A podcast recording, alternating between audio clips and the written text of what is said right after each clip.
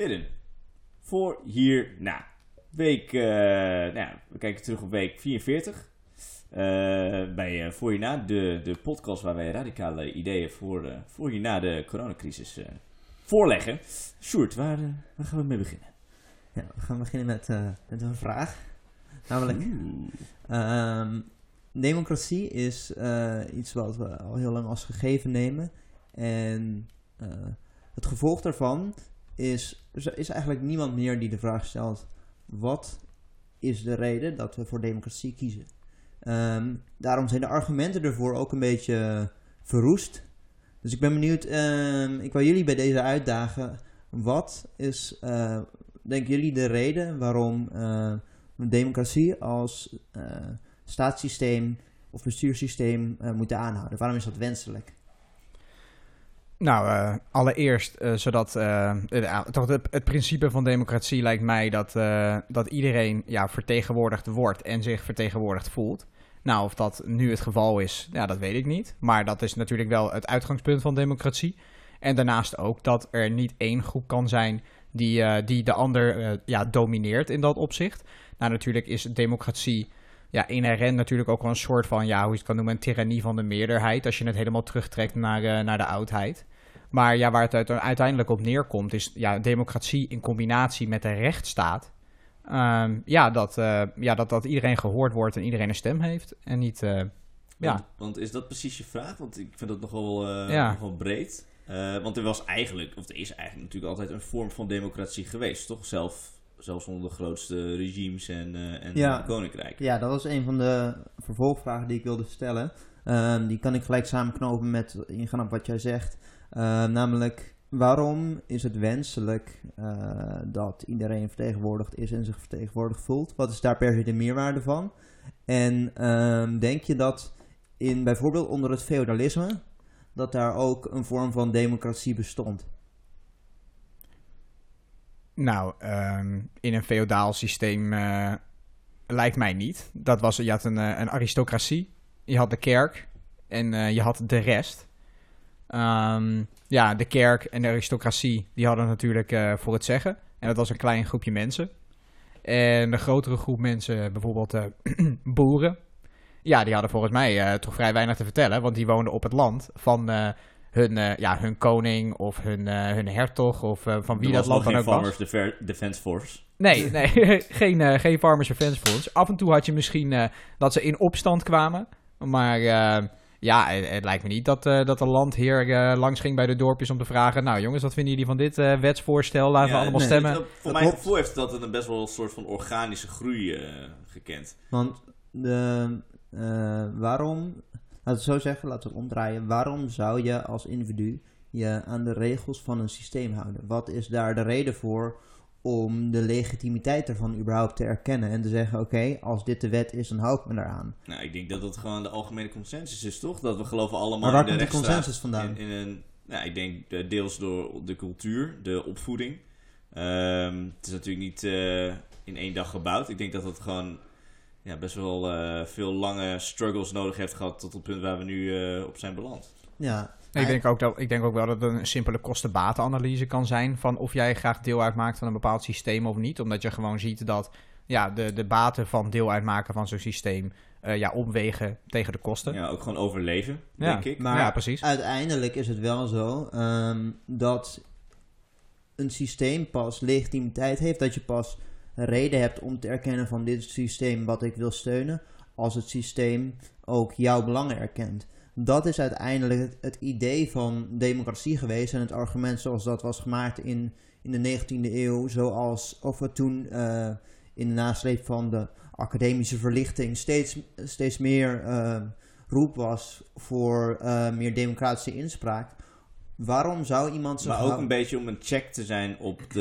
Hè, in, in het geval van balances of power. Ja, maar met name omdat um, je hoeft je of tenminste, er, er, is niet een goed argument als je onder een uh, totale dictatuur leeft om dat systeem te steunen. Behalve dan dat je anders wordt doodgemaakt als je dat niet doet. Ja, en voor een klein groepje mensen, omdat ze daar dan dus baat bij hebben. Bijvoorbeeld dat ze in het regime zitten en gewoon veel geld verdienen. Maar het idee is, je hebt bepaalde belangen. Gewoon heel Ja. simpel dingen als je wil ergens kunnen wonen, je wil eh, te eten hebben, je wil je kinderen kunnen opvoeden, et cetera. Mhm. Ehm, dat moet worden meegewogen en dat gebeurt niet vanzelf. Ik zou zeggen dat onder het feudalisme ook een vorm van democratie stond, bestond, omdat ehm, het destijds, het is een beetje ook wel het, het stereotype geworden, maar vak, fakkels en hooivorken, ehm, als de oogstbelasting die het land hier oplegde te hoog was, of policies op wat voor andere manier dan ook niet redelijk waren, nou, dan stonden de boeren met fakkels en hooivorken voor de poorten van het kasteel. ja, maar Dan ja. wist hij, nou, er is stond aan de, dat was, Ja, dat zeg is maar, natuurlijk heel bij erg- de merende, het merendeel En is dat niet het geval. Dat is wel, nee, maar dat is wel een heel erg geromantiseerd beeld natuurlijk. Ja, maar dat is wel een vorm van een controlemechanisme die de regerende structuur ertoe dwingt Ja, maar over, om over die het mee algemeen, te heeft nemen. over het algemeen werden er dan gewoon huurlingen ingehuurd om even een dorp te massacren. Zeker. Of af te slachten. Zeker, maar het maakt er wel uit. Die, die Maar boerenopstanden... je zegt dus eigenlijk die- omdat mensen demonstreren tegen de dictatuur, of, de, of het nou lokaal is of eh, over een heel land. Ja, de reden waarom ze moesten protesteren was omdat ze niet gehoord werden. Ja, maar de, zeg maar het idee van democratie, het doel van democratie is ervoor zorgen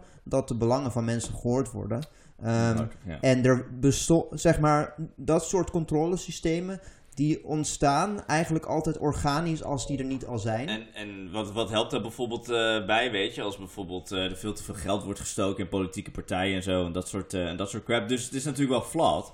Maar het is dan alsnog, zou ik zeggen, wel het beste systeem wat Maar- we hebben. Het is beter dan dat het per wet is vastgelegd dat er een bepaald groepje mensen is die eigenlijk alle regels eh, eh, eh, dicteert. Maar En dat er. Dat je ja, er dat je, niks tegen in hebt je- te brengen, want er wordt ja, een want jij behoort, jij behoort dus- tot deze klasse. Dus Ja. weet je, we hoeven niet eens meer te doen alsof. Jij bent gewoon lager dan dat wij zijn. En Maar dat is, is per wel- wet vastgelegd. Ja. er is wel een verschil tussen democratie en geïnstitutionaliseerde democratie. Want democratie betekent simpelweg een controlemechanisme waar, wat ervoor zorgt dat de eh, machtsstructuur de belangen van mensen die onderaan die machtsstructuur staan mee moeten nemen. Om wat voor reden dan ook, op wat voor manier dan ook. Eh, als je wel eens bij een demonstratie bent de geweest, dan heb je vast ook wel eens de slogan gehoord. eh, Tell me what democracy looks like. This is what democracy looks like. Ehm, zonder dat er mensen op straat staan om voor hun belangen te vechten. Nou ja, niet, niet gewelddadig vechten Aha, natuurlijk. aha. Is het in de praktijk geen democratie? Ja, maar ik, ik moet daar natuurlijk wel bij vermelden dat. Ik denk als je. En daar zijn ook een zat onderzoeken naar geweest. En ik zal nu niet eh beamen dat ik alle, alle statistieken uit mijn hoofd weet. Maar het is nou eenmaal zo dat als je aan heel veel mensen vraagt: Nou, wat is democratie? Dan krijg je honderd verschillende antwoorden van Ja. andere interpretaties. En weet je, je krijgt een antwoord: Ja, de- wat is democratie? Ja, dat er geluisterd wordt naar het volk. En dan vraag je aan die persoon, ja, wat is dan het volk? En ja, dan, dan kom je bij de volgende aan. Want dat is in één keer een kleine bepaalde subgroep, et cetera, et cetera. Waardoor je gewoon ziet dat ja, heel veel subgroepen zich niet gehoord voelen.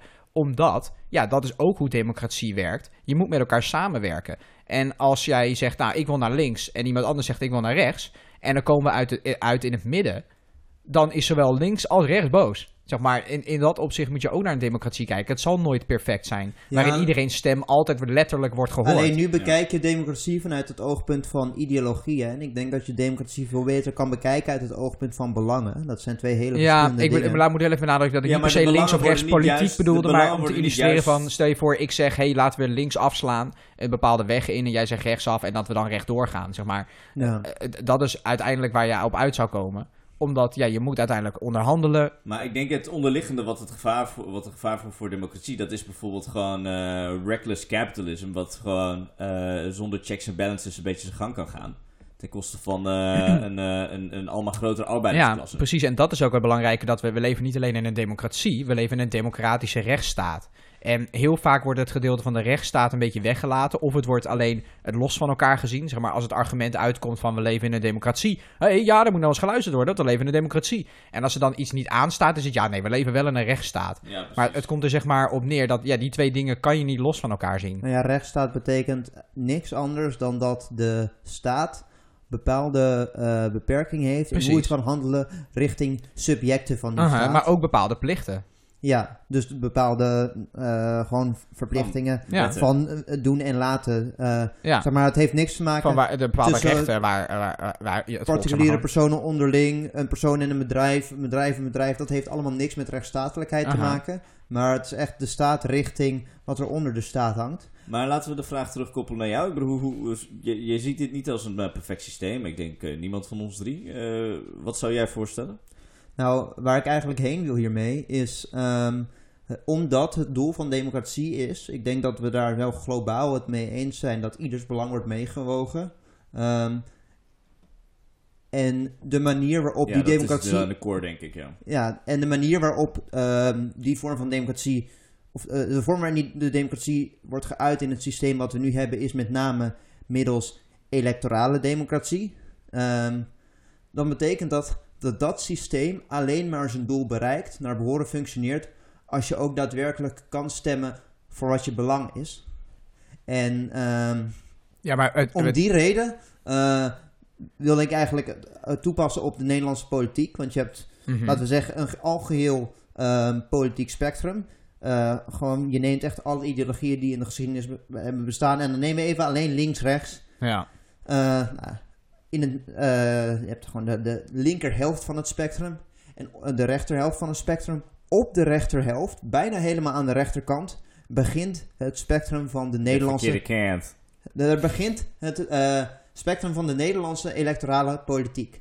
Dat loopt dan door tot ergens richting eh, halverwege de rechtshelft van het spectrum. En daar houdt het op. Dat is ehm, wat mij betreft waar de Nederlandse electorale politiek de vertegenwoordiging van ideologieën ophoudt. Het komt niet eens uit op de linkerkant van het spectrum. Eh, wat betekent dat geen van de partijen Ik dat buiten soms wel uitschieters zijn inderdaad, maar ik, ik snap wat je zegt, ja. geen, van de, ja, geen van de partijen die in ieder geval in de Tweede Kamer zitten, die durven buiten het neoliberalisme te denken. Ze, ze, ze ja doen wel SP. uitspraken die en daar voorbij zetten. En er zijn zeker ook leden van die partijen die dat ook doen. Alleen uiteindelijk hoe ze stemmen, hoe ze ehm, politiek bedrijven zijn, ofwel gewoon dat ze meegaan in dat systeem, ofwel dat ze totaal geen geloofwaardige oppositie vormen tegen dat systeem. Ja. Eh, ja, dus maar in dat, geval dat klopt. is het zo dat als je gewoon eh modaal inkomen hebt, je, je, je werkt een 9 tot 5, wat dan ook. Mhm. Dat is je leven en je wil stemmen op basis van wat je belang is, dan heb je geen optie. Maar de SP die heeft, wel, die heeft wel goede uitschieters, toch? Richting links. Ik bedoel, laatst stelden ze een nieuwe munt voor. Zelf geen voorstander van, maar gewoon... Ja, nee, maar dat, dat, dat vind ik ook weer van die belachelijk populistische argumenten. Een nieuwe munt voorstellen. Wat, wat gaan ze voor Ze hadden, ja, daar hebben we het eerder over gehad. Ze hadden veel beter UI Ja, kunnen voorstellen. Nee, maar dat is het hem. zeg Maar als, als je dan ziet alsof, ehm, alsof dan bepaalde partijen inderdaad met een radicaal idee willen Zoals komen. Jesse En dan Klaver komen ze in één keer met, weet je wel, met, dit soort... 10.000. Ja, precies, weet je. Ja. Dat zijn ook gewoon alleen maar een soort van, Nou, ja, niet populistisch, want je, je, je helpt niemand. ermee. Ja, ja, ja. maar, Ja, je Het- doet het wel euro- alsof. Je gaat heel erg mee op dat Nee, eh, precies. sentiment. Maar wat, wat ik wel wilde zeggen is, wat ik snap, is... Oké, er zou er inderdaad een nieuwe partij... daar is ruimte voor op links, denk ik. Ondanks dat er dus al zoveel linkse partijen zitten. Alleen, er ja, zitten die, geen linkse partijen. nee, laten we even gewoon op het, op het, het standaard... Die, zich- die, die zitten ja, dat is, links dat is op dat hele rechtse spectrum dat we hebben. Oké, laten we zeggen dat ze in ieder geval vrij centrum-links zijn. Laten we daar even op houden. En dat er niet echt partijen Ja, op de, link, links zijn, de maar- linkervleugel zitten. Zonder dat we overgaan naar de extreme, inderdaad. Want daar ben ik ook absoluut geen voorstander van. Maar uiteindelijk denk ik dat je zou moeten voorkomen dat je inderdaad binnen dat neoliberale stelsel denkt. Maar je zou wel nog moeten blijven denken binnen onze democratische rechtsstaat. En dus het zal uiteindelijk alsnog via electorale politiek eh, eh, zullen hervormingen ja, gewonnen moeten worden. Mm. Nou, Wat- dat denk ik niet, omdat ook uit onderzoek is gebleken dat van alle manieren van civic engagement die er bestaan, is stemmen letterlijk de minst effectieve. Dat is exact waarom er altijd zo wordt op, op wordt gaan.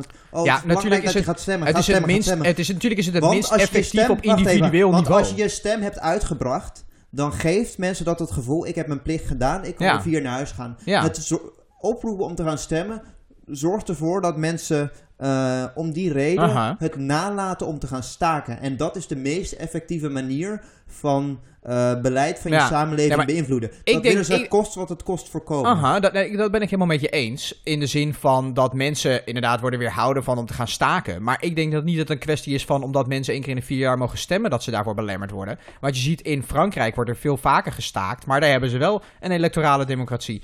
Wat, waar bij mij het probleem is, is omdat dat hebben we al vaker benoemd, is dat onze vakbonden inderdaad veel te zwak vaccin. Daarom gaan mensen niet staken. Mensen zijn zelf, Mhm. ja, ik weet niet, ik wil niet, natuurlijk niet zeggen dat mensen te lui zijn om, om iets te doen, maar, Maar vaak komt het daar wel gewoon om te neer. stemmen als er uiteindelijk niet een gangbare optie Nee, maar- is die je belangen Nee, maar, vertegenwoordigt. nee, maar, Want nee, maar het zendt een boodschap oké, uit oké, daar ben ik het met je zeggen, eens. Er zou, er zou betere vertegenwoordiging kunnen zijn. Nee, maar laat mij ook even uitpraten. Er zou inderdaad betere vertegenwoordiging kunnen zijn. Ik denk ook dat er zeg maar, een betere partij zou kunnen komen die, dan de partijen die er nu zitten. Zeker. Alleen is het wel zo dat electorale democratie, waarom ik vind dat het werkt, is omdat niet iedereen kan 24-7 bezig zijn met die politiek. Zeg maar, daar zal je inderdaad gewoon experts voor moeten hebben. Mensen die verstand hebben van bepaalde zaken, die daar hun, inderdaad hun leven aan wijden als dan inderdaad een beroep, beroepspoliticus. Alleen, ja, weet je, als je ergens anders, ik weet niet, het maakt niet uit wat voor baan je hebt, of je nou loodgieter bent of arts, zeg maar, je bent gewoon het me- merendeel van je week, week bezig met jouw eigen beroep. En je hebt dan nog je eigen privéleven, je gezin. En natuurlijk kan je in je privé-tijd ook verdiepen in politiek. Maar ja, weet je, jij kan niet iedere dag je overal mee bezighouden om direct op te gaan stemmen over een bepaald wetsvoorstel. Ik Maar het is ook een fictie. ik denk dat het merendeel sowieso de angel eruit zou willen halen. En bijvoorbeeld gewoon niet meer, weet ik veel, meer reg- eh, regulatie betreft eh, eh, lobbyisten en zo, weet je wel. Zo, ik denk dat iedereen daar een voorstander van zou zijn. Er is gewoon niet een partij die Aha. het voorstelt. Nee, maar, ja, maar dat en komt dat is het probleem. Nee, maar en het- dat is omdat partijen Het, het probleem is gewoon dat vakbonden en arbeiders nu niet goed genoeg vertegenwoordigd worden. En maar inderdaad het bedrijfsleven binnen de electorale democratie wel. En het, het systeem zou gewoon kunnen werken als vakbonden sterker waren en inderdaad opkwamen voor al die arbeiders. Maar het is niet een alleen fictie om te denken dat je het eh, vertegenwoordigen van je belangen kan uitbesteden. Want zo werkt het niet. Iemand die op Ja, maar dat is- dat moet wel. Nee, nee maar zo, dat, dat is gewoon fundamenteel een absurditeit. Iemand die op het schild wordt gehezen om de belangen van duizend, tienduizend, honderdduizend, ik noem maar wat, Aha. mensen te vertegenwoordigen. Aha, Die, ehm, wordt, die is nooit in een positie ja. waar die betrokken is bij de mensen die die vertegenwoordigt. Je komt gelijk in een omgeving waar iedereen, een, een, Mhm. laten we eerlijk zijn, een heel hoog inkomen heeft. Waar iedereen Mhm. omgaat met dezelfde mensen. Waar iedereen binnen Mhm. hetzelfde paradigma het vereist inderdaad karakter. En als je daar buiten treedt, dan ehm, word je gelijk voor gek verklaard. Plus, mensen die zich aangetrokken voelen tot dat soort posities. Die van zichzelf denken, ik ben goed genoeg om voor een miljoen mensen te spreken. Of Mhm. hoeveel dan ook. Mensen die dat doen, zijn gewoon over het algemeen niet het soort mensen die je aan, de, aan het stuur wil hebben. Omdat dat gewoon disproportioneel narcistische psychopaten zijn. Ja, dan Nou, moet je ik- er daar doorheen kijken. ik Maar ben- godzijdank ja. worden dat soort mensen ook niet 1, 2, 3 fractievoorzitters. Ze komen zeker voor. Ik bedoel, Ja, ja, ja, dat denk maar- ik ook wel. Maar ik, eh, om nou iedereen af te schilderen die een volksvertegenwoordiger zou willen zijn als per definitie een narcist. Dat, Dat zeg vind ik ook niet. best wel Alleen het kort is wel echt disproportioneel ehm, dat die ertussen zitten. En ja, maar dat, maar dat, geldt voor, dat, geldt voor alle, dat geldt eigenlijk voor alle beroepen ook waar je veel geld verdient, zeg maar. Dan heb je gewoon mensen die inderdaad niet geven om, om het volk Precies. wat ze vertegenwoordigen. Die zitten ertussen. En die Precies. zouden er ook niet tussen moeten zitten. Maar dat, zeg En maar, rotte dus- appels zou, betekent nog steeds niet dat het systeem niet werkt. Er Maar zouden inderdaad zijn betere geen checks en balances Het is juist ehm, zo dat het disproportioneel veel mensen zijn van dergelijke karakter die daartoe Ja, maar dat aangetrokken zegt zijn. niet over Oké. het... En daarom moeten Maar we de rol van die types systeem.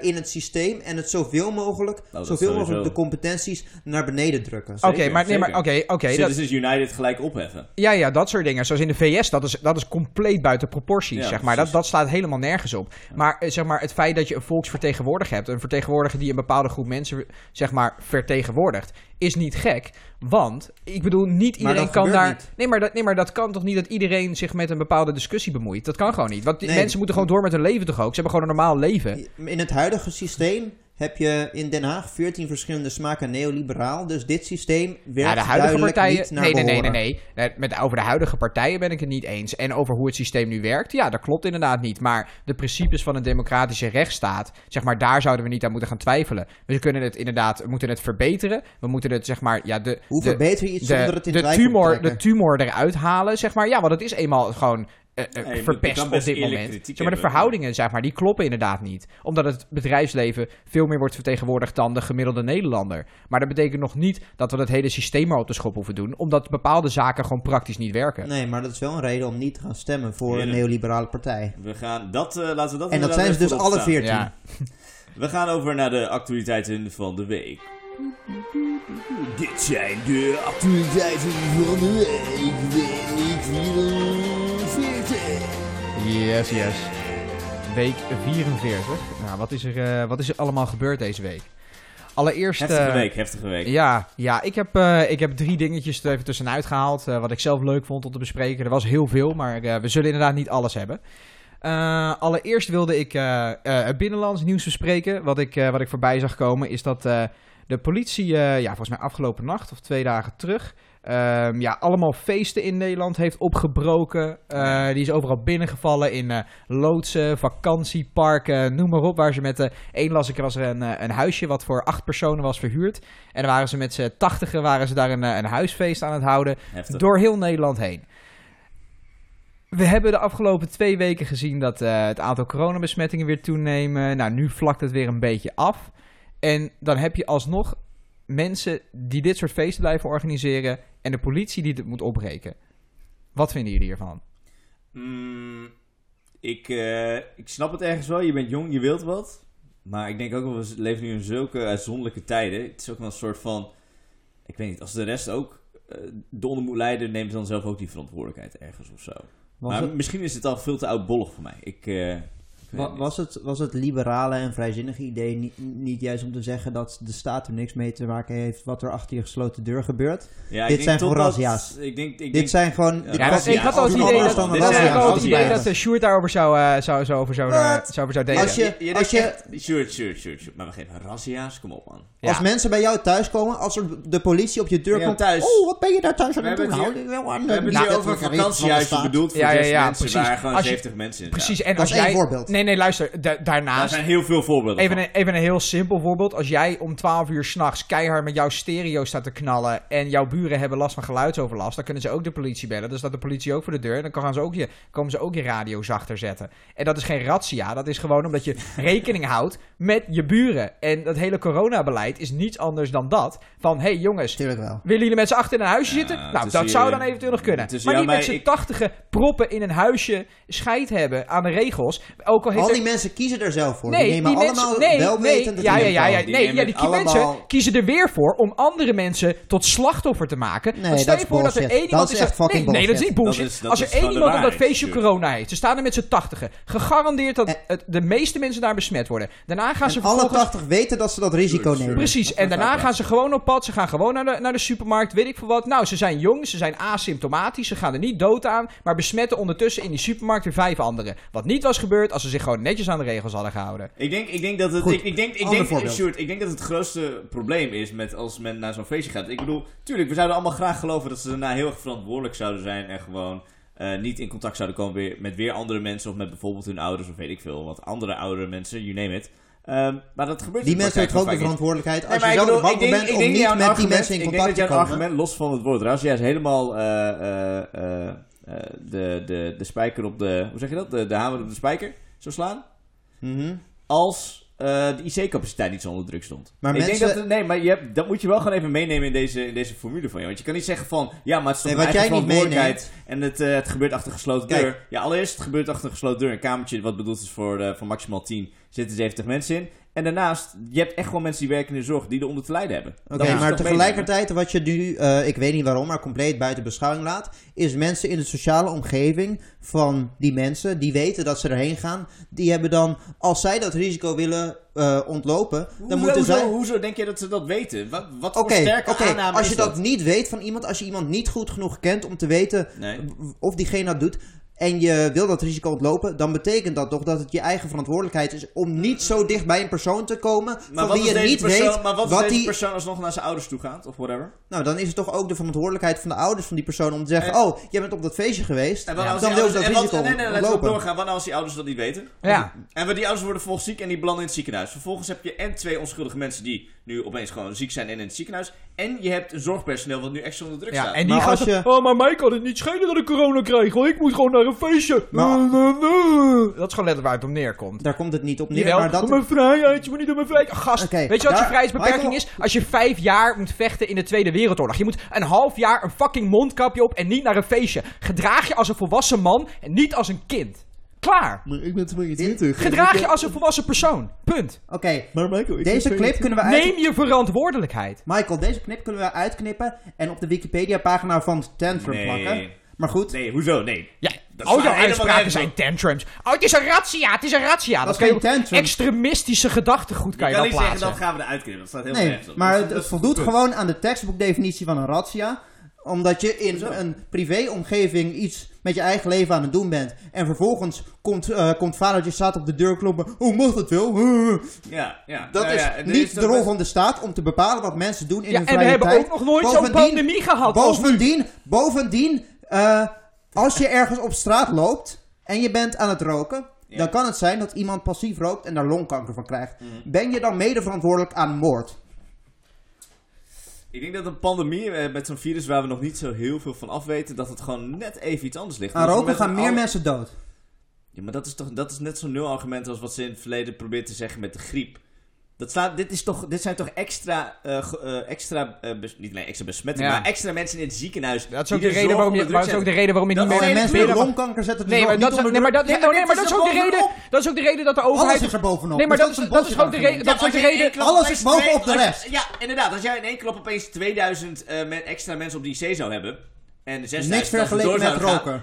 Dit komt er toch bovenop? Alles- Jij- dat heb je Alles sowieso komt er al. toch bovenop? Ja, maar nu is het toch zo dat de zorg onder druk komt Roken te is toch staan? ook niet een gegeven? Dat is toch ook een keuze? Maar dit is toch een acute virus? Dit is toch heel anders dan roken over een veel langere Ook- termijn? Dat kun je toch Dat is ergens met... Daarom mag je, de, de overheid ook, heeft toch ook ook per tijdseenheid? De overheid heeft er ook verboden dat je kun je binnen. toch Je mag niet helemaal meer met binnen elkaar roken. Je mag niet meer in restaurants Nee. roken. Zeg maar, je mag ook niet. dat- Die regels hebben ze ook ingesteld. Dat je niet meer binnen mag roken, et cetera, et cetera, et cetera. Passief Omdat roken je dan inderdaad Ja, het is heel passief roken. Het is heel Ja. gevaarlijk. Maar Met- wat we nu hebben, is dat zien we toch in alle nieuwsberichten die binnenkomen, dat de druk extra onder... Maar onder- alles, de letterlijk alles zet de zorg extra onder druk. Maar Letterlijk nu alles. Is het, wordt het toch Is het toch? Het is in één keer. Het is zeg maar, het is in één keer een pandemie. klap. Dat zie je toch Ja. overal? Hoe kun Maar je, datzelfde geldt een ook voor geleefd?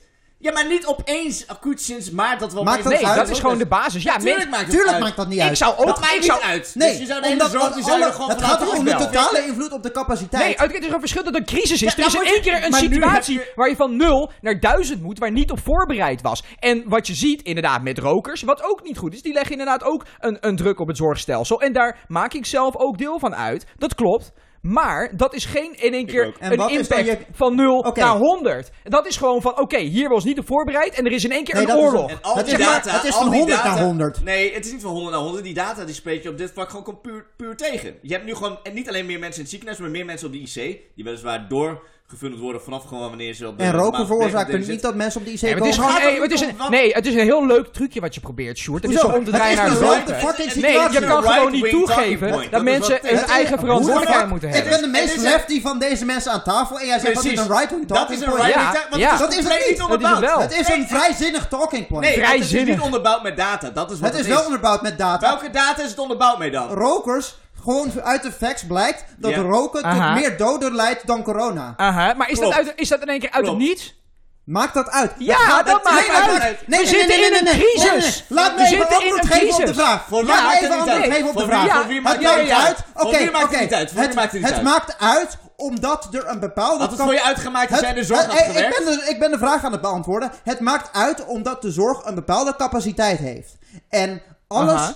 Waar zorg voor Aha. nodig is, heeft invloed op die capaciteit. Aha. Ja. Over welke periode het ontstaan van Aha. het aantal mensen per dag, jaar, week, maand, whatever the Mm, fuck. Niet relevant? Wat, het, wat eraan vooraf gaat, heeft geen invloed op hoeveel die capaciteit het nu per maand, per dag, per week, per Dus- jaar gebruikt. Dus jij zou zeggen, dus jij zou zeggen, oké, eh, maar- en ook bijvoorbeeld mensen met diabetes, die zijn ook een, eh, een ontzettende druk op het eh, zorgstel. Oh, en wat dacht je van mensen die, eh, weet ik veel, te veel drinken? Dat is ook een ontzettend grote eh, druk op het zorgstelsel. Zo kun je toch eindeloos doorgaan? We, Precies. We zijn het helemaal met je eens. dat is toch exact mijn punt, stuk. dat je Nee, dan eindeloos ja, kan doorgaan. Nee, nee want het punt is letterlijk... Maar dit is je juist voor- anders. Ja, je hebt gewoon de hele tijd een bepaald aantal hoeveelheid Alles mensen... anders die- dan letterlijk elke andere zorgcase. Nee, dus dat nee is je, een letterlijk- oké, je kijkt gewoon naar, naar data van de afgelopen 40 jaar. Dan kan je gewoon zien, er is een bepaalde hoeveelheid mensen. Die krijgen dit, et cetera, et cetera, et cetera. Daar is die capaciteit op gebouwd. Dat Mhm. is wat wij kunnen dragen. En opeens, laten we even niet corona zijn, hè. Er ontploft in één keer een bom ergens. Waar 10.000 mensen gewond zijn, dan gaan ze in één keer overal zoeken van naar ziekenhuisplekken. De ziekenhuisplekken. Want hé, hey, we hebben maar een bepaalde hoeveelheid ziekenhuisplekken die geen rekening heeft gehouden met die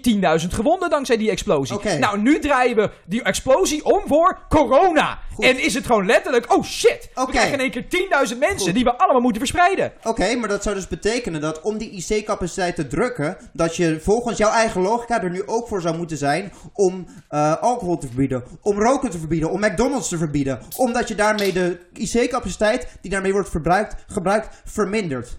Nou, eh, waarom zie je, er dat het wordt een ook... stuk minder acuut is. Ik denk dat je nu echt gewoon letterlijk kan zien als iemand besmet wordt, dan is er, weet ik veel, wat voor incubatietijd van 10 dagen of zo. Ja, zoiets. Maar dan, ik bedoel, voordat je het weet kan iemand alweer in het ziekenhuis liggen. Ja. En dat is gewoon een stuk plotser dan eh, wanneer je bijvoorbeeld je leven naar de tyfus helpt Ja. door gewoon eh, tientallen jaren te veel te drinken. Ja, maar dat, eh, dit sluit ook wel weer mooi aan voor het eh, tweede puntje wat ik wilde benoemen. Want ik, eh, ik las ook een artikel dat ondanks dat vorige week ja, eigenlijk Europa weer het centrum van, van de corona is geworden... met meer dan de helft van de wereldwijde besmettingen. Wie? Europa. Oh, Europa. algemeen, ja. Ehm, is dat ja, in Italië, die natuurlijk als eerste een van de hardste is getroffen, nog steeds allemaal coronamaatregelen heeft. Maar eh, ja, ook daar komen ze inmiddels wel in opstand eh, tegen, tegen alle maatregelen. Omdat ze inderdaad ook eh, ja, vinden dat het inderdaad hun, hun, economie, hun economie raakt. Dat is niet een mening, dat is een feit. Dat het een economie raakt. Klopt. Ehm, er zit ook inderdaad, wat ik wilde zeggen, wel een kern van waarheid in. Want ik vind dat als een overheid van hun bevolking ja, vraagt of eist van... Hey, laten we ons aan deze regels houden, want we moeten denken aan het algemeen belang. Dat zo'n overheid inderdaad ook eh, hun burgers moeten ondersteunen. Wat ze- we gaat voor kleinere te- eh, gewoon ondernemingen, zoals restaurants, eh, noem maar op. Het, gewoon het hele MKB. Mm. Vind ik dat de overheid die daar moet ondersteunen. Dat doen ze nu niet. Wat nu dus in Italië niet meer gebeurt. Dat hebben ze in eerste instantie wel gedaan.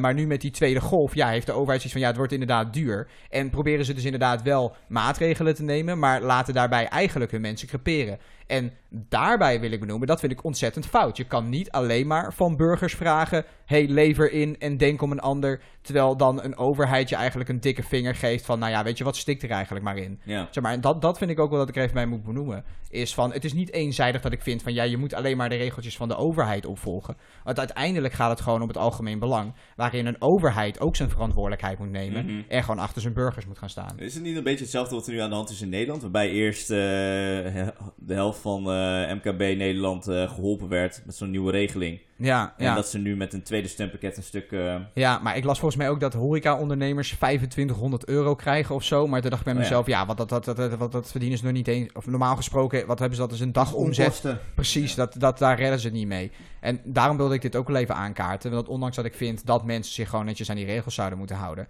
vind ik ook gewoon dat je inderdaad ja, je, je bevolking hierbij moet, eh moet bij blijven ondersteunen. Nou ja, als die steun er niet is, dan moeten mensen gewoon weigeren zich aan de lockdown te houden. Zo simpel is het. Ja, maar het is ja, onverantwoordelijk om, Maar om dat gewoon is- als een authoritarian bitch Ja. daarin mee te gaan. ja, ja, nee, maar, ja, maar en, dat ben en ik wel met je... zeggen, vadertje staat, wil je me wat harder verkrachten. ik In principe ben ik mensen het wel met niet je dat eens. kunnen. Ja. Ja, maar weet je, dat is gewoon alsnog wel een visieuze cirkel. Want je hebt misschien een bepaalde groep mensen die zich principieel dan niet op die manier aan de regels houden. Van ja, de overheid steunt ons ook niet. Maar je hebt ook gewoon een grote groep mensen die is ge- eh, eh, die heeft ja, voor niet de regels juiste je Eh, bijvoorbeeld, nou, draag een mondkapje, weet je wel. Dat mensen principieel geen mondkapje dragen als advies, weet je wel. Bijvoorbeeld in de supermarkt of zo. Mm, ik bedoel Terwijl. Ik heb nu zoiets van, weet je, ik zie 90% van de mensen in de supermarkt gewoon met een mondkapje oplopen. Gewoon puur omdat zoiets van, ja, hey, weet je wel, iedereen hier snapt dat je dit ding draagt omdat je andere mensen niet wil besmetten, weet je wel, et cetera, et cetera. En dan heb je gewoon een bepaalde groep mensen die draagt het dan niet. En dan vraag ik mezelf af, oké, doe je dit inderdaad omdat je het niet weet? Of omdat het een principe kwestie is? Maar ja, ik heb wel gewoon zoiets van, Hou je er veel mee bezig? Nou, ik weet niet. Het is niet alsof ik er veel mee bezig ga. Maar wel als ik naar buiten ga en, en bijvoorbeeld de supermarkt binnenloop. Wel gewoon zoiets van, ja, eigenlijk vind ik jou gewoon inderdaad, ja, vind je wel gewoon een lul. Maar ja, dat kan ik je niet echt over oordelen. Want misschien heb je wel gewoon toevallig geen Oh, mondkapje ik bij heb dat helemaal niet. Het, Ja. het, het interesseert me niet zoveel, denk ik. Misschien. Maar ik eh, vind het wel, eh, weet ik veel, ergens mooi om te zien dat iedereen er zich een soort van op aanpast. Ja, ja. Dat, Maar, dat- eh, want bij een supermarkt is het uiteindelijk niet verplicht, weet je. Dan is Ik het ga, ik ga eerder, Logisch ja. ook, Het is want zeg maar naar de supermarkt gaan is niet een keuze. Kijk, naar de, naar de HEMA gaan of naar de, Aha. naar de CNA gaan is wel een keuze. Ja, maar daarom Dus het zou, zou ik minder juist wel... kwalijk om het daar te verplichten. Ja, nee, maar ik zou het juist... Omdat je anders mensen gewoon in een vrij belangrijke vrijheid beperkt. Aha. Namelijk gewoon eten. Ja, maar dat is ook juist de reden waarom ik er eigenlijk voor zou gaan beargumenteren dat ze wel verplicht een mondkapje op moeten in de supermarkt. Dus omdat het je uiteindelijk niet je moet het belemmert. ermee eens zijn, anders mag je niet eten. Nee, nee, nee, want je kan Ja, gewoon. het. Nee, nee, nee, want je mag gewoon alsnog, weet je wel, de supermarkt binnen. Het enige wat je hoeft te doen is een hele kleine moeite van dat je zet dat kapje op je mond. Ehm, de reden waarom ik er juist voor beargumenteren moet, is omdat juist iedereen naar de supermarkt gaat. Dat, dat lijkt mij ah, gewoon de grootste besmettingshaard. Aangezien we daar allemaal komen en je kan er niet omheen. Heb je er data voor? Oh, nou ja, je zegt net dat als, eh, als je dus mensen verbiedt, of eh, een mondkapje verplicht, dat er dus mensen zijn die geen eten meer kunnen halen. En iedereen moet eten. Nee, maar heb je er data voor om te zeggen dat de meeste besmettingen in de supermarkt gebeuren? Nee, maar logischerwijs lijkt mij, als de plek waar iedereen komt en dicht op elkaar staat, dat, dat, een, eh, eh, dat je een groter kans hebt dat je daar besmet gaat worden. Nou, Ja, als dat zo is, dan zal er wel data voor zijn. Ik ja, denk- dan, ik ik, denk- eh, ik, misschien dat ik er kan opzoeken, dat ik er de volgende week eh, met data kom. maar als je gewoon een beetje logisch nadenkt, eh, Iets waar je Ja. vijf minuten binnen bent, dus eh, dat valt denk ik. nou ja, ik jij denk dat het wel veilig meevalt binnen. bij een supermarkt. Ik weet het niet. Maar ik denk dat ze ook extra gingen doen met die ventilatie in je shizzle en allemaal dat soort crap. Dus ik denk dat juist bij een supermarkt men op zich wel een beetje aan het opletten is van waar ze heen lopen. Maar het is me wel eens inderdaad eh, drukker, dan, eh, drukker dan gewend geweest. Ja. Yes, dan gaan we naar het, eh, het laatste onderwerp eh, wat ik had. Dat was eh, ja, de benoeming van de nieuwe Supreme Court Justice in eh, de Verenigde Staten. En ik pak de naam er even bij. Barrett. Ja, er- Amy Amy, Coney Coney, Barrett. Barrett. inderdaad. Eh, uiterst conservatief. Eh, de verhoudingen in de Supreme Court zijn volgens mij nu zes conservatieve versus eh, drie, eh, Klopt. ja, drie, eh, die, drie Democrats. Drie minder conservatieve. Ja, ja, ja, precies, ja, precies. Ehm, ja, ik zag eh, protesten waar mensen ook allemaal, eh hoe heet het ook weer, die serie, eh, waar, eh, waar heel de VS zeg maar super christelijk is geworden allemaal. Hey, heeft iemand het van jullie gezien? Eh, The View. nee, niet, niet The View. Laat het even los. Ehm, maar ja, in ieder geval, dat, eh, wat, wat denken jullie hiervan? Zij heeft al eerder aangegeven in een, volgens mij een interview in 2006... dat ze ook eh, het echt fel tegen abortus was. Dat is allemaal onmenselijk. Ja, ze al die, Roe versus Wade. eh, ja, maar al die punten over abortus en zo en, en gay rights, ik bedoel, het is niet onbelangrijk. Alleen dat is wel de afleidingsmanoeuvre. Want er is Ja. nul pushback geweest op het belangrijkste feit. Aha. Dat zij echt vreselijk en vreselijk slecht is als het gaat om arbeidsrechten. Hmm. Zij heeft bijvoorbeeld in een eh, bepaalde rechtszaak waarbij eh, werknemers van een bedrijf eh, overuren moesten werken en die niet kregen uitbetaald als Ja. overuren. Die hadden hun werkgever aangeklaagd en toen was zij een van de rechters die mocht oordelen over die case. En zij zei, oh ja, jullie hebben een contract getekend met je werkgever, dus dit is niet aan ons, dit moet naar arbitrage. Oftewel, Ja. management wijst iemand aan om te, be- te beslissen wat ja, het ja, wordt. ja, precies. In andere woorden, zij heeft er min of meer voor gezorgd dat mensen niet overuren uitbetaald krijgen. En dat is één voorbeeld van gewoon een record die zij heeft Van nog een corporate stooge. Ja, precies. En die hele eh, culture war, die is een dekmantel om ehm, eigenlijk mensen af te leiden van de daadwerkelijke Ja, ja, issues ja. die voor de hele bevolking... Ja, dat, dat, ben ik, eh, van dat ben ik, eh, dat ben ik met je eens. Maar ik denk alsnog dat je in het karakter van bepaalde mensen, zeg maar, hun standpunten niet, niet weg kan nemen. Want zij is ook al volgens mij de hele leven lang echt lid van zo'n streng christelijke organisatie. eh, waar ze ook zo. Oh ja, Handmaiden. eh Handmaid, Ha- Handmaid's Tale. Heeft iemand dat, eh, die serie toevallig gezien? Nee, niet gezien. Nee. Nou, daar had je dus ook een soort van eh, Handmaids. En Handmaid, Handmaid's Tale is dan zo'n serie waarin eh, de VS echt super conservatief is geworden. Ehm, na een bepaalde election. En ja, ik kan het je aanraden. Het is wel een, eh, het is wel een leuke serie. Hm. Maar ja, waar ze dus echt super van die Christian eh, eh, values promoten. ehm, ja, et cetera, et cetera. Het is gewoon best wel, best wel een aparte soort van secte. waar zij dus lid van was. En ehm, ja, nu dan... nu, Van een ja. secte, joh. Ja, ja, ja ik, kan het even, ik kan het even opzoeken, precies eh, wat, eh, hoe het ook weer heet. Nou, we komen er waarschijnlijk Maar, eh, straks op terug, want we ja. gaan het zo nog hebben over de, de, De verkiezingen. Amerikaanse verkiezingen Wat, wat, me meeste, dagen. wat me het meeste opvalt aan eh, deze hele benoeming is dat de democraten van de meerdere verschillende mogelijkheden die ze hadden om deze benoeming, te, of tenminste de, de hearing te kunnen uitstellen tot na de verkiezingen, hebben ze er nul in gezet. Wat, wat, we, had, konden ze het filibusteren? Eh, nee, maar wat ze wel kunnen doen, was in de Senaat, hè?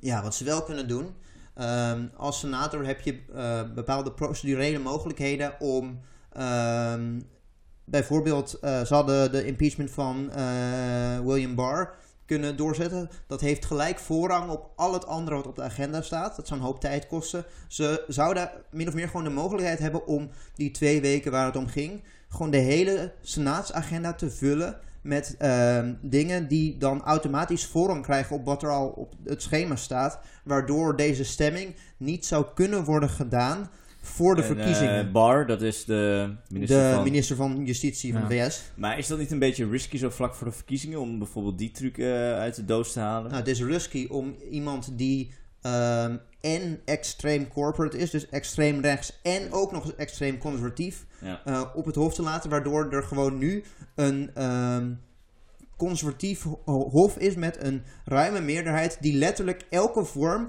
van linkse hervorming die hypothetisch gezien eh, doorvoerd zou kunnen Ja. worden. Denk aan een hoger minimumloon, een nationaal zorgfonds, gratis hoger onderwijs, een Green New Deal. Al die dingen die kunnen gewoon nu en zullen waarschijnlijk ook Ja. door dat hof gewoon worden neergeslagen. Ja, ja, ja. En Ja, de Democraten eh, hebben geen enkele van de manieren die zij hebben of hadden om dit te voorkomen ingezet. Wat wat mij betreft laat zien dat het hun bedoeling was om dat te laten gebeuren. Zodat wanneer zij aan de macht komen, zij Ja. voor hun kiezers kunnen zeggen... Oh kijk, we zijn voor jullie aan het vechten. Maar ja, sorry, we kunnen er niks aan doen. We Ja, krijgen het niet door, het hof heen. Zodat ze en hun donoren blij kunnen houden... doordat ze geen echte verandering doorvoeren... en hun kiezers de waan geven dat ze voor hen vechten. Terwijl het helemaal niet zo ja, is. dat is, dat is echt wel ook... Je kan nu heel goed het probleem aan binnen de Amerikaanse politiek. Ja. Dat is gewoon... Maar ja, Mitch McConnell heeft ook wel aangegeven van... ja, welke wetten we nu dan ook hebben doorgevoerd... weet je, dat kunnen ze altijd weer terugdraaien. Hetzelfde als wat ze zeg maar met Obama hebben gedaan... of met veel van de dingen die hij heeft doorgevoerd. ja, Maar hij zei, ja, weet je wel, die Supreme Court Justices die we gewoon... Ze hebben er drie geplaatst onder Trump. Dit, dit gaat Drie. voor de komende... Ja, Ja, natuurlijk. drie. Daarvoor drie. had je die eh, Ja. Kavanaugh. Die ook Nee, en alleen... voor hem had je er nog één. Neil Eh, Gorsuch. ja. Ja. Kavanaugh was ook alleen maar aangepakt op basis van eh, identity issues. En Ja. ook niet op het feit dat hij ook iemand was die de ene na de andere pro-corporate uitspraak Ja, heeft gedaan ja. in zijn carrière als Ja. rechter. Ja, dus daar hebben ze dus drie van kunnen plaatsen. En gewoon, het is net alsof de democraten Ja, het is- willen verliezen. Alsof Ja, ze worden betaald om te verliezen. Ja. Hmm. Maar dat is ook gewoon wat je terugzag inderdaad. Hebben we het ook een keer eerder over gehad. Over ehm, zeg maar Obama en de, en de Supreme Court Justice die hij er eerst doorheen wilde drukken. Dat hij uiteindelijk natuurlijk daar geblokkeerd is door Ja, de... de, de, door de- zij mag deze en toen zeiden de Republikeinen nee. Ja, nee. Obama, Oké, ja, nee, maar precies. Maar dat is ook wel gewoon mijn punt, weet je. De Republicans, die zijn daar gewoon een stuk meer ruthless in. En de Democraten Die willen lijken... niet winnen. Nee, precies. Die lijken Die gewoon... willen niet winnen, want die zijn het eigenlijk eens met de Republikeinen. maar terwijl zelfs- de zelfs- schijn Over de, over democraten Ja. gesproken, jongens. Laten we nu eh, overgaan van de actualiteiten van de week naar de, naar de Amerikaanse verkiezingen. De actualiteiten van komende week. De Ja, actualiteiten van komende precies. week inderdaad. Aanstaande dinsdag over twee dagen hebben we de Amerikaanse verkiezingen tussen eh, nou ja, eh, Joe Biden en Kamala Harris en eh, Ja. eh, Trump met, eh, met eh, Mike Pence. Ehm, jullie analyse, wat, eh, wat is jullie verwachting? Ja, het gaat spannend worden. Dat gaat dat is nog spannend worden. In de, in de polls loodt Biden voor. Maar ja, dat was bij eh, Hillary ook het geval. Met, ik geloof weer dezelfde soort van marge. verhoudingen, ja, Want dat zou- Eerder vertelden ze, of gaven ze aan, van oh ja, nee, die verschillen zijn juist dit jaar veel groter. Alleen Ja. de laatste steeds polls, ja, Ja, het wordt nu ja. steeds minder. Ja, de horse race aspect, of tenminste het, ja, het, het paardenwedden aspect ervan is relatief spannend. Qua implicaties niet, want uiteindelijk weten we al wie er heeft gewonnen, namelijk Wall Street, de olieindustrie, de zorgverzekeraars, de farmaceutische industrie en de bedrijven die de wapens maken voor het leger. Die hebben al gewonnen, die weten allemaal hun vetpot is al binnen. Er is Ja, geen is schijn waar, van kans dat zij een, eh, een cent pijn gaan leiden.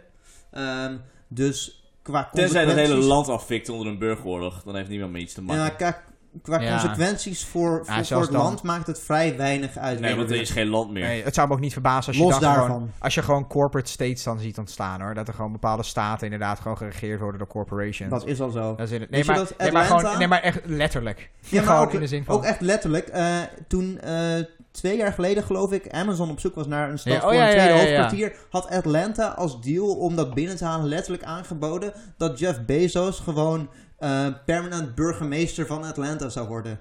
Dat is toch gewoon geïnstitutionaliseerde Ja, ja, ja. o- oligarchie. Dat. Maar die hele wedstrijd die Amazon toen een soort van het uitschreef was sowieso echt het toppunt van corruptie gewoon. Van ja, weet je wel, hier, de staat biedt op ons, omdat je ons graag wil hebben. Ja. Het is gewoon, het is echt... eh, Ja, het is belachelijk. Ja, ja, ja. Nou ja, ik bedoel, een beetje, laten we wel zijn, beide zijn eh, eh, eh, een beetje gewoon verloren in de identity politics. Trump is aan de ene kant van het spectrum sowieso alleen maar aan het schreeuwen en aan het knetteren. Ja. En vervolgens heb je een eh, Joe Biden die alleen maar vooruit stottert en, en niet heel veel zinnigs Ja, uit kan ja, brengen. precies. Ja. Eh, mensen stemmen nu ook gewoon vooral tegen Trump, voor Ja, mijn ik, gevoel. ik hoorde laatst ehm, de, mogelijk de meest doeltreffende analyse die ik in lange tijd in eh, mainstream media heb gehoord. In ieder geval in Amerikaanse mainstream media. Niet om de reden waarom zij zelf dat bedoelde. Maar ze, zei, eh, ze zeiden, meer dan wat dan ook, is dit een verkiezing die gaat om karakter. Klopt op zich wel, want verder valt er geen hol te kiezen. Ja, ja, ja. Nee, maar dat klopt. Ja. ja, daar ben ik het helemaal mee eens. Ja. Ja. Ja.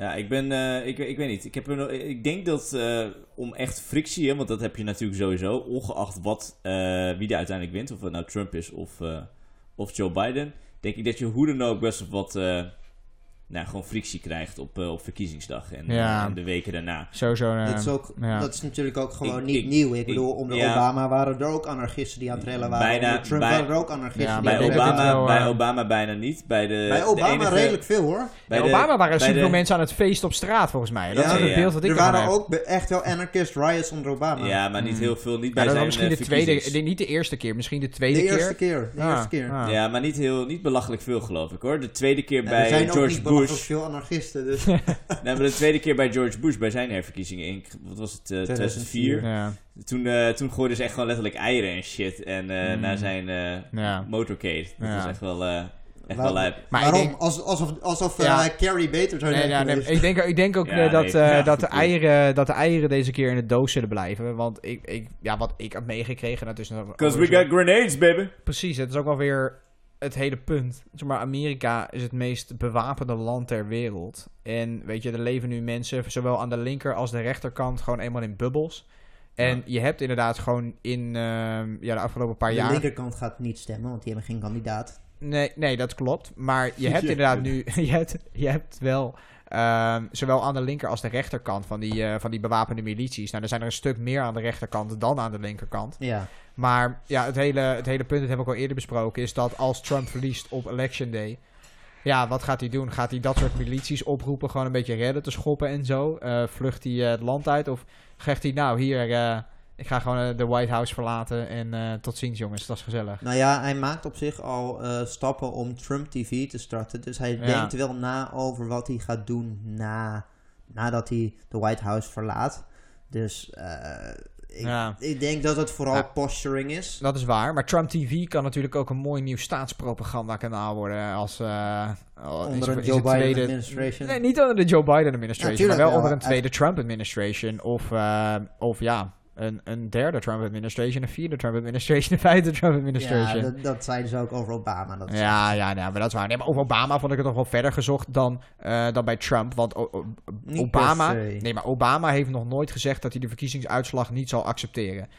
Trump heeft letterlijk meerdere malen gezegd van... "Mwah, ik kijk nog wel of ik uitslag accepteer, ja of nee. Zeg maar, dat is letterlijk gewoon... Er is Ja, een maar- aanleiding maar om te Trump geloven. is ook wel iemand die echt gewoon op, op een dinsdagochtend om tien over negen A zegt en dan om kwart over negen B zegt. Precies, en dat maakt hem extra Zeg maar, gevaarlijk. het, het gebeurt zelden dat hij eh, van, ja, echt zeg maar grote claims van dingen die, waarmee hij breekt met wat er al gebeurt. Hij zegt heel vaak dat hij dat gaat doen, maar het gebeurt eigenlijk nooit dat hij dat ook echt opvolgt. Nou, maar hij doet, hij doet wel genoeg dingen, weet je, waar hij dan bepaalde mensen op heeft zitten. Zoals Steven Miller en dat hele Oh, migratiebeleid. Jezus, wat een fucking fascist. Ja, Precies. Ja, maar uiteindelijk heeft Trump nog niet eens de helft van het aantal mensen gedeporteerd als het Obama in zijn eerste termijn heeft gedaan. Nee, oké, en daar moeten we ook zeker kritisch op blijven. Alleen ik denk dat nu zijn we wel in een soort van verloren spel geraakt... waarbij we ook wel eh de lesser of two evils zouden moeten kiezen, vind Ja, ik. Ik bedoel, ja, ik ja, sta er daar dan meer aan bij wat een. Chomsky zegt dan wat een Jimmy Ja. Dore zegt. Omdat ik dan gewoon simpelweg denk van... Maar de lesser evil is Nee, maar niet, het, sen- is ja, het niet sentiment... Biden. Nee, maar het sentiment... Nou, ik weet ja, dat maar uit dus deze, niet. uit, uit deze Ja. keuze nu wel. Vind ik niet, want Biden, die is, eh, als je zijn record alleen al in zijn acht jaar als vicepresident Ja, bekijkt, is hij op zegt. oorlog aanzienlijk kutter dan Trump. Aha, Ja. maar ik ben... en dat is uiteindelijk het grootste onrecht. Ja, maar we moeten ook van Biden af. Ja, dat is waar. Oorlog ik ben, de ik hebben ze er ook vanaf. Ja, daarom maar zijn het ook hij is een groter probleem. Want oorlog evil. is het grootste onrecht, het grootste kwaad wat de mensheid ooit heeft uitgevonden. En daarop is ah, Biden, dat is een van de weinige gebieden waarop ze eh, enigszins significant verschillen. Het is niet heel veel, maar Biden is nog marginaal kutter op oorlog dan dat Trump is. Omdat hij gewoon ehm, in zijn record als senator meer pro-oorlog is geweest en als vicepresident. eh, terwijl hij dus eh, vrijwel aan het hoofd stond van het buitenlands beleid, Ja. zijn er trouwens onconstitutioneel vijf nieuwe oorlogen bijgekomen. Ja, die de eh, VS voert, waaronder een genocide. En daar ben ik het helemaal met je mee eens. Maar ja, aan de andere kant zie je dat Trump gewoon onze, de, alles ontmantelt. Ontmantelt alles. Ja. Het, het is niet alleen... Het, Uiteindelijk heeft hij daarmee minder schade verdragen. Hij, hij, hij zet alsnog... Hij zet alsnog en- Precies. En hij zet alsnog het bedrijfsleven op een, eh, een pedestal, zeg maar. zeg maar. Het is niet alsof hij... Biden ook. Ja, de- ja, dat is waar. Maar ondertussen maakt hij gewoon wel alles kapot. zet Als hij weer, de- als hij weer eh, herkozen wordt. Ja, maar niet gevaarlijker dan als, als Biden wint. Zeg maar, mijn Nee, punt is niet dat, Nee, dat jawel, wel Trump niet kut is, maar Biden is op buitenlands beleid, heeft hij gewoon veel en veel meer schade aangericht dan Trump in deze vier jaar heeft Hij heeft gedaan. de verkeerde dingen gestemd, absoluut. Weet Ja, je. Alleen, eh, Als ja. vicepresident stem je niet. Als vicepresident maak je Oh, beslissingen bedoel waarna ja. mensen doodgaan. En dat heeft Biden meer gedaan dan Trump. Tuurlijk, tuurlijk, tuurlijk. Kijk, en hij was onderdeel van het kabinet van, eh, van, van Obama, helemaal waar. Alleen ik denk wel dat als je nu kijkt naar de huidige stand van zaken en wat Trump de afgelopen vier jaar heeft gedaan, los van Bidens record, dan zou je nu wel echt kunnen gewoon stellen voor, voor het welzijn van dat land. Zou het nu gewoon beter zijn dat niet alleen Biden wint, maar Biden echt gewoon met een ontzettende grote marge wint. Ja, en met niet, een want- ontzettende Want grote vervang je iets opkomst. ongelooflijk kuts met iets nog kutters. Ja, maar ik denk ook sowieso... Ik denk niet dat het nog kutter is. Ik denk Oké, dat het... eh, op basis waarvan eh, zeg jij dat het starten van meer oorlogen, het, starten, het Nee, maar- ondersteunen van een genocide, het schenden van internationaal recht niet. in Nee, grotere nee, nee, maar mate, ik denk ook dat, dat je dat trouwens... minder maar kut niemand is. zegt dat. Het Niemand sowieso zegt niet, dat. Oké, het is niet meer... maar nee, dat maar wat luister, heeft luister. maar luister. waarom is dat niet kutter? Ja, maar, maar wat dat ik is je nu natuurlijk ga zeggen- idioot. Maar daar moet, je, daar moet je hem ook zeker op bekritiseren. Maar Daar waarom is dat niet kutter dan wat Trump heeft gedaan? Ik ga, ik, ga nu, ik ga nu uitleggen waarom dat nu niet kutter zou zijn. Ik denk als je inderdaad naar het verleden van, van Biden kijkt, dat hij zoveel dingen verkeerd heeft gedaan, waar we het helemaal niet mee eens zijn. Maar wat Trump. we ook niet moeten vergeten is, en dat is aan de ene kant is dat iets heel, vind ik dat heel jammer dat het zo werkt. Het is uiteindelijk natuurlijk een beroepspoliticus. En wat je ziet bij beroepspolitici is gewoon dat als de wind, weet je wel, te ver naar een bepaalde kant waait, dat hun eigen positie daadwerkelijk in gevaar komt,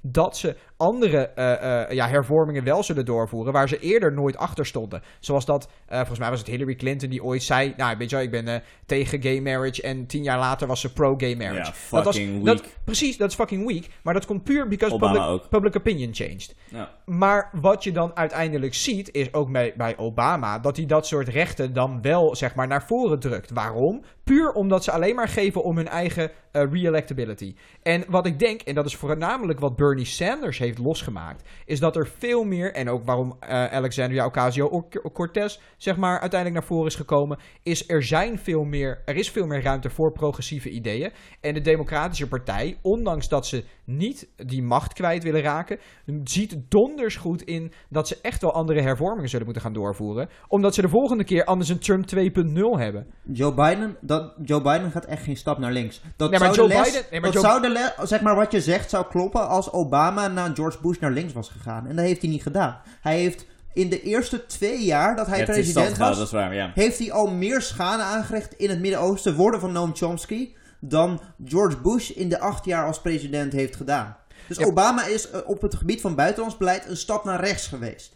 Nou, maar uiteindelijk wat, Dus hij, wat hij heeft als, gedaan... zou- als het inderdaad zo zou zijn dat ze als reactie op zo'n verschrikkelijk conservatief rechtse. Ja, Maar je eh, moet wel kijken tenure- naar wat ze hebben overgenomen. Hè? Laten we even wel eh, even terug naar eh, 2008. Ja. Ze hadden Ja. nog best wel wat baggage overgenomen. Ja, en ze alleen- moesten het even Plus, je kan stabiliseren. kiezen, Daar je kun je veel kiezen, ga je kritiek dat op hebben. afbouwen of ga je dat opbouwen. en Obama heeft het actief erger gemaakt. ik denk sowieso dat je ook moet kijken naar het hele landschap wat veranderd is gewoon met social media, et cetera, et cetera. Zelfs toen Obama nog regeerde was dit, was dit minder, minder powerful dan dat het eigenlijk is geworden net voor de election van Trump. en waarin we nu in, in De 2020 zitten. reden, Zeg En maar, Obama er, er is en Biden veel die meer... spraken niet richting fucking milities. En dat de milities zich zo in hun kracht voelden staan dat ze fucking state capital gingen eh Precies, dat, dat, shit. dat ook, maar gewoon puur nee, de, dat de doen ze druk. richting Wall Street en, eh, en de generals die uiteindelijk veel Maar meer dat doet Trump hebben. ook. Ja. Dat doet Trump ook. Dus Trump doet dat wat jij zegt. En in combinatie met al deze fucking rechtse milities Maar op het shit. gebied van buitenlands beleid, op het gebied van oorlog, heeft Biden het even over dat land zelf. meer schade En op het, nee, nou, op het buitenlands beleid richt Trump schade aan aan ons. Doordat hij het hele NAVO-bondgenootschap De NAVO is kanker Ja. en moet worden Ja, dat is kanker omdat je eh, gewoon. Rusland-fanboy bent. Nee, hoe de fuck ben ik een een Rusland fanboy. What the fuck, hoezo moet NAVO kapot? Hoe de f- Ja. Omdat NAVO, NAVO een interventionistisch leger is, wat er is voor opgedoeld om mensen dood te maken om hun olie te stelen. Nee, Wat de een dat NAVO is NAVO. Wat De een NAVO BS. is opge- opgericht in eerste instantie als gewoon tegenpol tegen de Sovjet-Unie, omdat die half Europa hadden overgenomen. Makker, de Sovjet-Unie bestaat niet meer. Rusland is een regionaal machtje. Het Vertel dat, vertel dat aan de fucking communistische marsen daar eh elk Ja, jaar. en, What sowieso fuck? daarnaast vertel dat ook aan China nu. Dat is gewoon toch een nieuwe grootmacht die opkomt, die zijn eigen regels wil op, opleggen aan het internationale systeem. Fuck, NAVO is een... Wat, Zeg maar, ik bedoel, NAVO is geen humanitair leger, het is een imperialistisch leger. ja, het is een leger En wat gewoon gesteund imperialisme is wordt door per de definitie lidstaten, kanker. toch? Ja, maar ik bedoel, als, als, als, als oké, stel je voor dat we hier allemaal mee stoppen. En er komt vanuit, eh, weet je wel, de geschiedenis, eh, we gaan verder in de tijd. En China is nu de wereldmacht. En die gaat lekker zijn eigen En we imperialistische shit doen. Precies, dat hebben we toch nodig? In de vorm van een groter kwaad? Are you fucking kidding Ja, niet me? een grote kwaad, gewoon een balans, een machtsbalans. Oké, maar de partij die meer mensen vermoordt, die meer onschuldige mensen uitroeit, die meer grondstoffen niet- die meer klimaatschade Nee, nee, aanneemt, nee, luister, is toch luister, luister. China. probleem? Nee, maar dit is, nee, maar dit is alles. Ja, dit is dan al, China. Nee, Zeker. luister, luister, luister. De NAVO. Ja, absoluut. Wat een bullshit. Hè? Ken je de geschiedenis van China? Weet je wat de fuck ze daarom hebben gedaan? Waar heb je het nu over? Met de culturele revolutie? Ik bedoel van, what the fuck man? Weet je Ja, hoeveel... gewoon al die hongersnood en weet ik wat voor En shit jij wil niet allemaal. een soort van leger als tegenpol, zeker nu. Wie is er op dit moment... Zeker nu we niet meer kunnen steunen op eh, fucking Trump bijvoorbeeld, weet je wel. Dat hij ook zich compleet terugtrekt van, de, van het wereldpodium. En tuurlijk, het hele imperialistische... Ja, maar we kunnen de, NAVO moet best hervormen, weet je wel. We zouden inderdaad, hey, misschien moeten we ons minder bemoeien met de binnenlandse aangeleggenheden, inderdaad. En daar ben ik het helemaal mee eens. Maar dat betekent niet dat we het hele, de hele alliantie hele moeten punt on- van NAVO. on- nee, dat is niet het hele punt Tuurlijk alleen maar van NAVO. fucking break. Nee, dat is niet alleen maar het punt van de NAVO. Lees maar- het handvest van de NAVO. Dat, ja. En je gaat vanuit dat ik het niet heb gedaan? Nou ja, ik wel. En daarin staat niet van, wij zijn een imperialistisch leger. Nee, dat gaan ze natuurlijk niet inzetten. Maar Nee. het gaat erom wat het doet, hoe het Eh, wat- functioneert. Het is een best waardeloos, het is een best imperialistisch leger als het een imperialistisch leger zou moeten zijn. Maar als een Trump zegt dat hij bijvoorbeeld de eh, grootste of de meest pro-LGBTQ-president ooit is, dan zeg je: Oh, kijk naar zijn woorden, hij is het. Nee, je moet kijken naar de handelingen. Hetzelfde geldt voor de NAVO. De NAVO is een imperialistisch leger wat de bevolking van arme landen doodmaakt om hun olie en grondstoffen te stelen. Dat is wat de NAVO doet. En dat ze dan op een Nou, waardeloos is, fucking eh, papiertje zeggen dat ze een ander doel hebben. Dat is op zich wel een goed punt. Lijkt me een goed punt om mee af te sluiten. Wat denk jij? Hè? Denk, denk jij dat, eh, dat Trump eh, het punt eh, weet duidelijk te maken eh, aan, aan komende dinsdag bij verkiezingsdag en, eh en wint of verliest? Ehm, nou, de vorige keer wist ik heel zeker dat Trump ging winnen. Maar ik Oh, durf... er- Ja, ja, ja. Ik heb ook een aantal weddenschappen gewonnen. Gewoon puur omdat ik dacht van... Ja, Hillary, het, deze guy werkt ook gewoon als een con man. Weet je, die tactieken die werkten perfect. Maar omdat we nu in een heel ander speelveld zitten dan de vorige keer... eh, durf ik het niet met zekerheid te zeggen. Ik denk echt dat het 50-50 kan worden. Wat, wat, wat, eh, wat gok je? Ehm, ja, ik gok erop dat, eh, dat Trump misschien net verliest. En, ehm, en dat we dan gaan zien wat een eh, kat in het nauw gaat doen.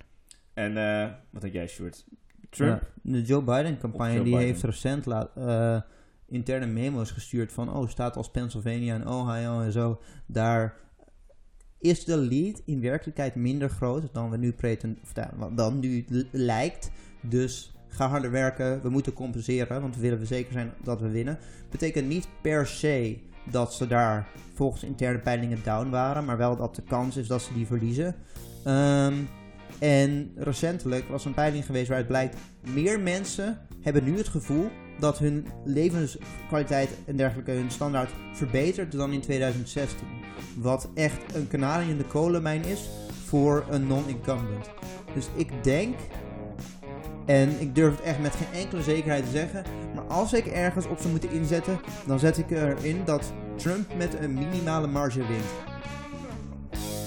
Ja, ja. En misschien alsnog de popular vote verliest. Of- Ja, de popular vote had hij de vorige keer al verloren. Ja, klopt. Maar denk je dat hij hem nu weer zou verliezen? Maar dat, denk ik wel. eh, genoeg... Ja. Ja. Ik denk dat hij. eh, ik denk dat hij. Ja, ik ben bang verlies met. Maar.